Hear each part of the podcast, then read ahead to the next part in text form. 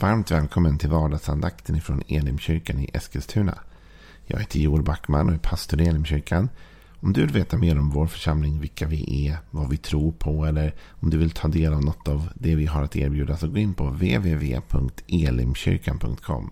Där hittar du ju den här vardagsandakten, du hittar inspelade gudstjänster, mirakelonsdagar, du hittar program och kontaktuppgifter och mycket, mycket annat. Gå också in och likea vår Facebook-sida, eh, Elim Eskilstuna. Och gå in och prenumerera på vår YouTube-kanal. Elimkyrkan i Eskilstuna. Då missar du inget av det som är på gång. Och det som är på gång är bland annat vår höstkonferens. Som nu har blivit en hemferens. Det vill säga en konferens som kommer vara helt digital. Den kallas Höstglöd. Och den går av stapeln 21 till 25 oktober. Det är onsdag till söndag. Och då är det onsdag, torsdag, fredag, lördag kväll 19.00 och söndag klockan 11. Du vill inte missa detta. Det kommer bli fantastiskt. Faktum är att det startar redan en halvtimme innan, 18.30 med en live-studio. Och sen ett möte 19-20 och sen en liten efterstudio med förbön och så vidare. Den här veckan ska vi börja berätta lite grann om vilka talare som kommer. Och jag kan bara säga att den första talare som vi har glädjen att välkomna in heter Sofia Munoz. Hon är pastor i We Are One Church i Stockholm. Det är för dig som är kyrkorienterad. Eh, före detta Södermalmskyrkan som nu heter We Are One Church. Fantastisk församling som växer och som har ett stort internationellt arbete och som arbetar mycket med hemgrupper och G12-system och annat. Det är en otroligt intressant församling och Sofia är en otroligt duktig förkunnare så du vill inte missa detta. Eh, på ett personligt plan är jag jätteglad för detta. Sofia är en gammal klasskamrat till mig. Så vi har eh, history way back att ha liksom känt varandra under lång tid. Så att Sofia kommer och vi är jätte, jätteglada för det. Missa inte den här eh, fantastiska konferensen Höstglöd. Förra veckan så gick vi igenom psalm 8. Och jag tänkte vi skulle göra typ det helt radikalt annorlunda den här veckan. Men vi kommer hålla kvar oss vid psalmerna lite grann. Men det blir radikalt annorlunda. För vi ska titta lite grann på en psalm som är eh, en psalm där David är riktigt i kris. Då hans liv har, kan man säga, på ett sätt kraschat. David har gjort saker som jag tror att han aldrig trodde att han skulle göra. Han har brutit mot sin egen moral, sin egen etik. Han har brutit mot det han vet att Gud tycker och tänker. Och han blir också avslöjad.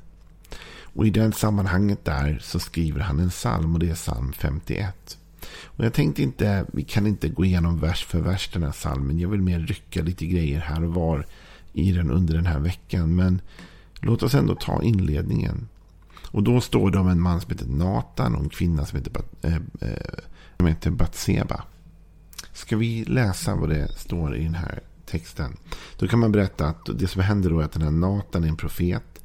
Och Natan han går upp och berättar för David att han vet vad som har hänt. Och det som har hänt är att David har varit med en kvinna som tillhör en annan man som heter Batseba.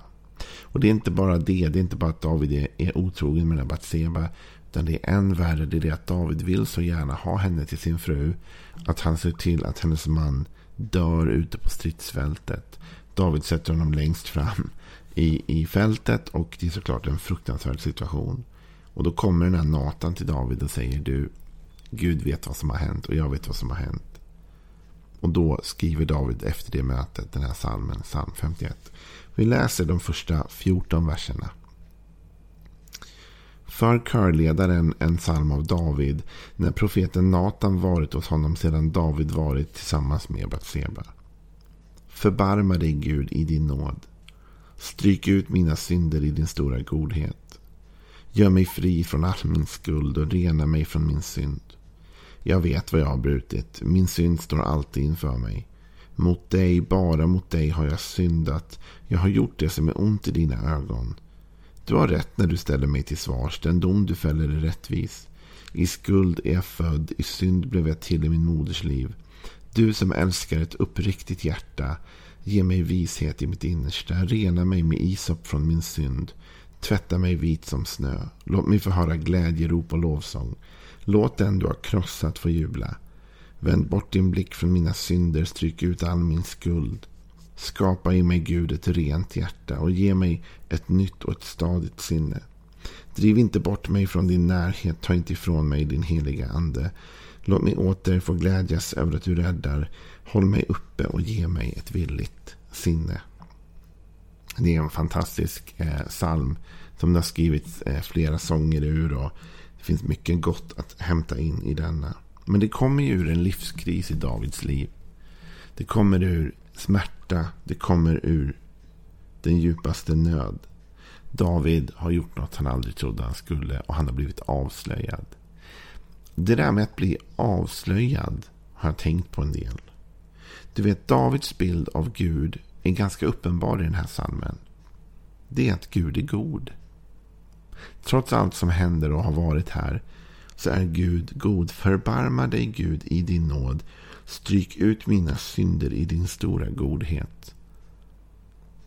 Så David verkar inte arg på Gud.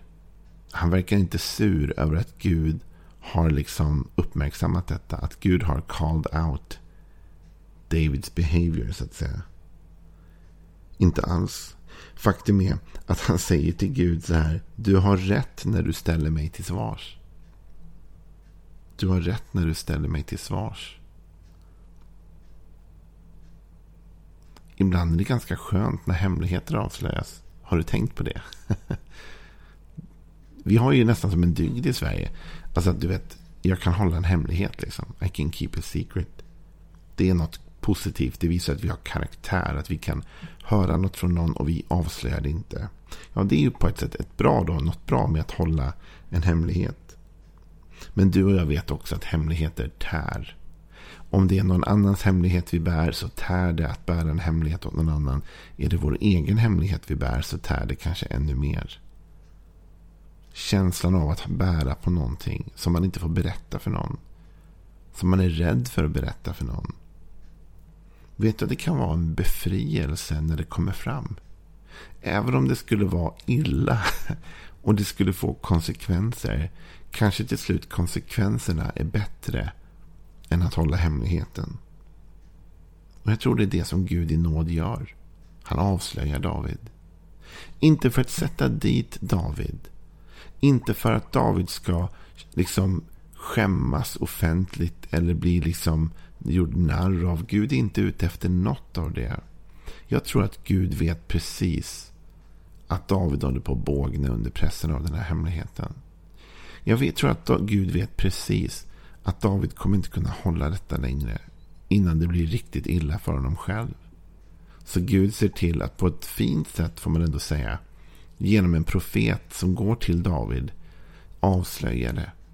The cat's out of the bag. Hemligheten är lös. Liksom. Allt, nu, nu är det öppet. Och vet du, i samma stund som jag tror att David kanske fick en smådd panikattack av att det här kom fram. När profeten berättar och David inser nej, han vet vad som har hänt. Jag tror att i samma stund så kom det också en oerhörd frihet över David. Känslan av att nu är det öppet. Du vet, Gud vill ibland avslöja saker i ditt och mitt liv. Inte för att vi ska skämmas eller för att sätta dit oss. Utan för att han vill lyfta av oss tyngden av att gå med en hemlighet. Och du och jag kanske tror att om den där hemligheten kommer ut så rasar allt. Men det här är det fina med Gud. Att om han släpper loss din hemlighet. Så tar han också ansvar för konsekvenser. Om du vänder dig till honom och säger Gud nu får du hjälpa mig. Så kommer han hjälpa dig. Och David har rört till det ordentligt för sig själv. Och ändå hjälper Gud honom igenom. Så Gud, David är inte arg på Gud för att han avslöjar hans hemlighet. Faktum är att David säger du gjorde rätt när du ställde mig till svars. Men sen skulle jag vilja säga något om Gud. Ur de här första verserna. När vi kommer till Gud. När hemligheten är lös, hur ska vi då agera? Vet du vad David inte gör? Och jag tror återigen att det har med hans gudsbild att göra. Det David inte gör är att skylla ifrån sig. Det David inte gör är att låtsas som ingenting. Utan det David gör är att appellera till Guds nåd och godhet. Alltså det är lätt till hands att skylla på någon annan. Det kanske du aldrig gör som lyssnar på den här andakten. Du är kanske en sån här superduktig eh, person som alltid tar ansvar för allting i ditt liv. Men alltså för de flesta av oss människor så känns det ju som att det alltid är nära till hands att peka på någon annan. Va? Att skylla på någon annan. Har man barn som jag så ser man det där väldigt ofta. Det är som att det kommer snabbt in i deras liv. Förmågan att peka på brorsan eller syrran och säga det var hon, det var han, det var någon annan. Att inte ta ansvar själv. Vi ser det hos Adam och Eva. När, Gud, när de har syndat emot det Gud hade gett dem som bud. Och Gud kommer till dem och säger vad har ni gjort för någonting? Och Adam tar inget ansvar. Han säger det var kvinnan du gav mig. Det var hennes fel. Och kvinnan hon tar inte heller ansvar. Hon säger det var ormen som lurade oss. Ingen tar ansvar för hemligheten. När Gud avslöjar den. Men David, han tar ansvar för hemligheten. Och Jag tror att det är därför Bibeln också säger att David var en man efter Guds hjärta. David var inte perfekt. Du hörde ju själv, det här är värsta, liksom, värsta dramaserien det här. Vad som händer här. Eller hur? Davids liv är som en tv-serie här. En dokusåpa. Vad som helst. Det har bara flippat ur totalt. Och det vore väl lätt för David att skylla på någon annan. Han kunde ju framförallt ha skyllt på Batseba. Eller hur? Han kunde ju sagt att det var hon som förförde mig. Eller lurade mig. Eller, eller, eller lockade in mig. Han gör inte det. Utan David äger sitt misstag och sin hemlighet. Han försöker inte heller strafflindra sig själv utifrån sin egen förmåga. Du vet, han kunde ju sagt Ja, ja, Gud, du vet vad jag har gjort. Men du vet ju också allt det bra jag har gjort. Om vi nu ska lägga lite i vågskålen här. Okej, okay, det här med Batseba, det var inte så lyckat. Men du vet ju, tänk, jag håller ju på att bygga templet. Och jag, jag menar, jag har ju besegrat ju Goliat. Jag räddade ju hela folket. Och jag har ju gjort så mycket bra. Inget av det. David kohandlar inte med Gud. Han äger det. Men han appellerar till Guds godhet och Guds nåd. Han säger förbarma dig Gud i din nåd. Stryk ut mina synder i din stora godhet. Tänk att han säger så här. Han säger inte förbarma dig Gud. Du vet vad jag har kämpat för dig. Du vet vad jag har slitit. Du vet hur duktig jag är. Du vet hur jag ville men det blev fel. Och du vet, hade det inte varit för att hon försökte förföra mig. Ba, ba, ba. Inget av detta säger David. Han säger Förbarma dig Gud i din stora nåd. Av inget annat skäl Gud än att du är nådefull. Och av inget annat skäl än att du är god. Förbarma dig över mitt liv. Det visar också att David har förtroende för Guds nåd och godhet. Det sättet att tala med Gud visar att David vet och förstår att Gud är mån om honom. Och att Gud är förstående och barmhärtig. Gud har förmågan att vara både dömande och förbarmande på samma gång. Gud kan döma ut vårt beteende i situationer i livet utan att knäcka oss. Utan att döma ut oss till max. Utan ge oss chansen till omvändelse. Det var kanske en konstig andakt idag, men kanske ändå inte. Kanske är du den som sitter där hemma idag Lyssna på detta på väg till jobbet eller bara hemma. Men du bär på något som håller på att ta knäcken på dig. En hemlighet som, som du behöver få ut på något sätt. Vet du vad? Ta den med Gud. Det är kanske är lika bra att prata med honom om det. Vet du vad? Han vet redan om det. Du behöver inte bära detta själv. Och Du behöver inte heller förklara dig eller skylla på någon. Du behöver inte heller liksom försöka kohandla med Gud om ditt liv eller din situation. Det enda du behöver göra idag är att säga till Gud, Gud, det här är det som har hänt. Och jag ångrar mig. Och nu ber jag att du ska vara förlåta mig i din stora nåd och i din stora godhet. För jag vet att du är nådefull. För jag vet att du är barmhärtig. Och för att jag vet att du älskar mig.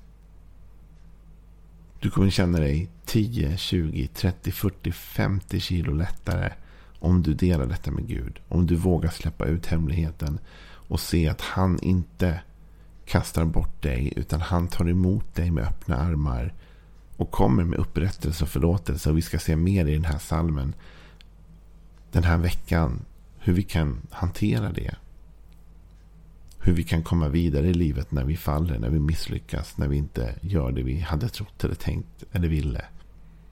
Så Gud är god. Gå inte och bär på en tung hemlighet. Släpp loss den. Låt Gud få veta. Låt Gud få hjälpa dig igenom. Han är nådefull och stor i godhet.